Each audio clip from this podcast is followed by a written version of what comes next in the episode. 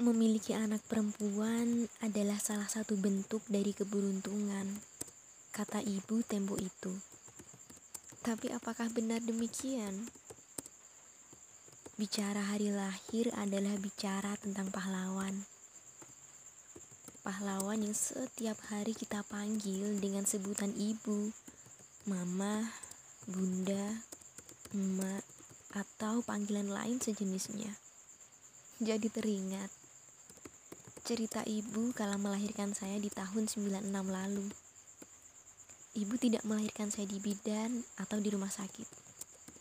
Tetapi ibu melahirkan saya di rumah seorang diri. Bisa dibilang saya lahir tanpa sentuhan medis.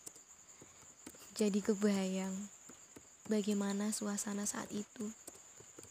Di saat hari Selasa 5 November saat rasa takut, rasa khawatir, rasa cemas, dan rasa sakit menjadi satu. Namun semua itu terkalahkan. Terkalahkan oleh jihadmu. Terima kasih ya Bu. Terima kasih sudah mau berjuang mati-matian untuk saya bisa hidup sampai hari ini denganmu. Terima kasih sudah menjadi perempuan paling kuat sekaligus gagah di rumah. Jika ibu pernah bilang memiliki saya adalah sebuah keberuntungan, itu salah. Itu salah, Bu.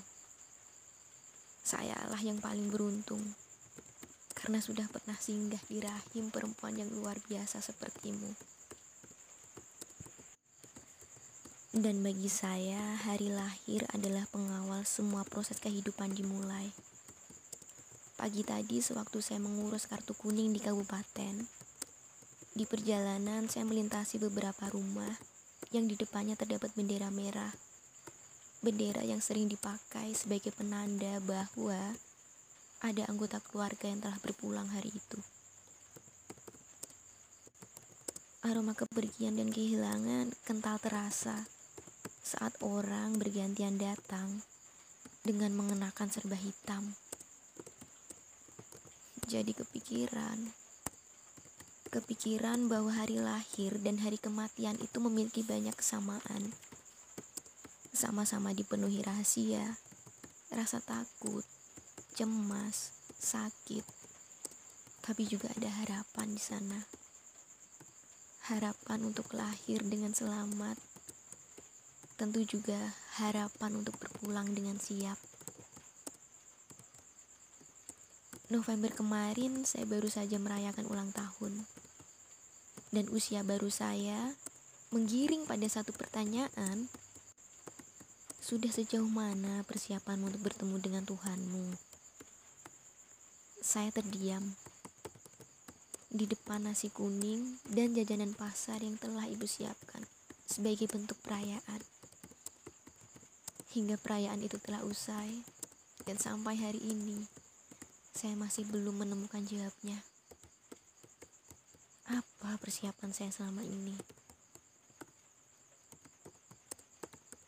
Untuk siapa pun yang berulang tahun di hari ini, 1 Desember, saya ucapkan selamat mengawali usia baru ya. Sehat-sehat dan bahagia tentunya.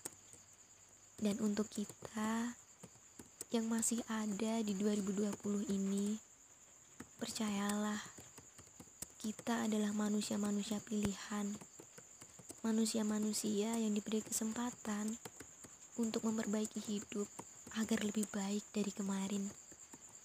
Semoga ya, semoga kita bisa bertemu di 2021 dengan harapan-harapan yang baru. Terima kasih sudah menjadi teman dengar. Sampai jumpa di hari kedua di bulan Desember dengan bercerita tentang awal mula. Sekian untuk hari ini. Dengan saya Novia, penjaga kedai semesta, pamit sebentar.